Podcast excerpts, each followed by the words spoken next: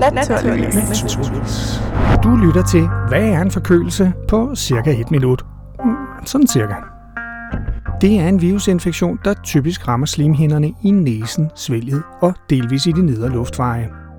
Forkølelse og influenza er ikke det samme, eller det vil sige, det er to forskellige sæt af kliniske symptomer, det vil sige immunforsvarets reaktion på virusinvasion af kroppen.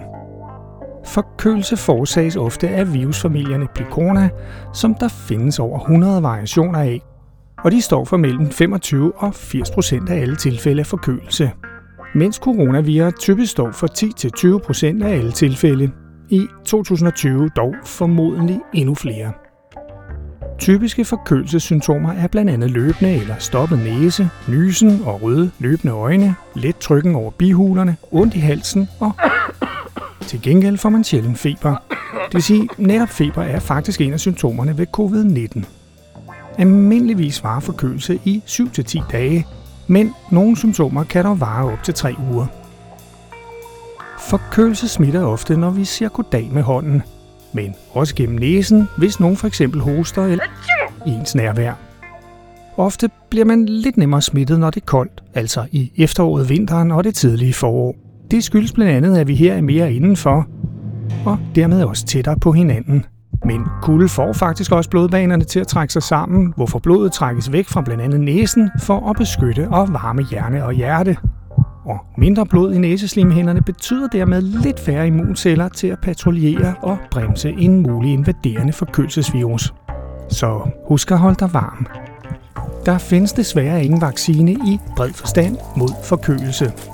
Den eneste måde at reducere spredningen på er derfor ved at vaske hænder korrekt, det vil sige minimum 20-30 sekunder, eller ved at bruge håndsprit, og alt sammen mange gange i løbet af dagen. Desuden er isolation meget effektiv, som det jo viste sig i 2020 under covid-19-pandemien. Grunden til, at vaccine generelt ikke virker, ja, det er, at forkølelsesvira er exceptionelt gode til at skifte udseende ved at ændre på deres overfladeproteiner. På den måde ændrer virus på de karakteristika, som ellers gør, at immunforsvarets antistoffer kan genkende den pågældende virus. På den måde kan man blive smittet med og blive syg af forkølelsesvirus igen og igen og igen. Dog ikke af virus med de samme overfladeproteiner, som immunforsvaret tidligere stødt på. Så til forskel fra for eksempel mæslinger og skoldkopper, hvor man er immun resten af livet, ja, så bliver man ikke på samme måde ved med at være immun over for en forkølelsesvirus.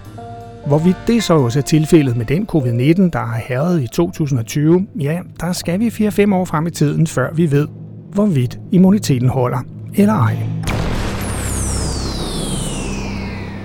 Du har lyttet til, hvad er forkølelse på cirka et minut. Mm, Sådan, sådan cirka. Du kan høre mere om, hvad en virus er i en af vores andre på cirka et minut podcast.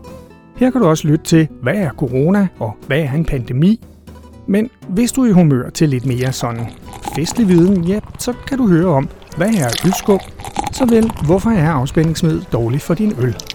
Alt sammen der, hvor du også lytter til denne podcast. Mit navn er Nalle Kirkmo. Ja, Jeg er redaktør og vært på podcasten Naturligvis, og det er jeg sammen med. Cecilie Magnussen. På cirka et minut serien er produceret af Polygrom Media, en almindelig foreningsejet medievirksomhed. Og det er serien altså produceret i samarbejde med Ro Radio. Tak fordi du lyttede med.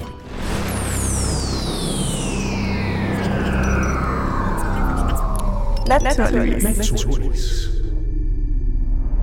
Og det er jo noget af det, vi vil undersøge. Ja, lige netop.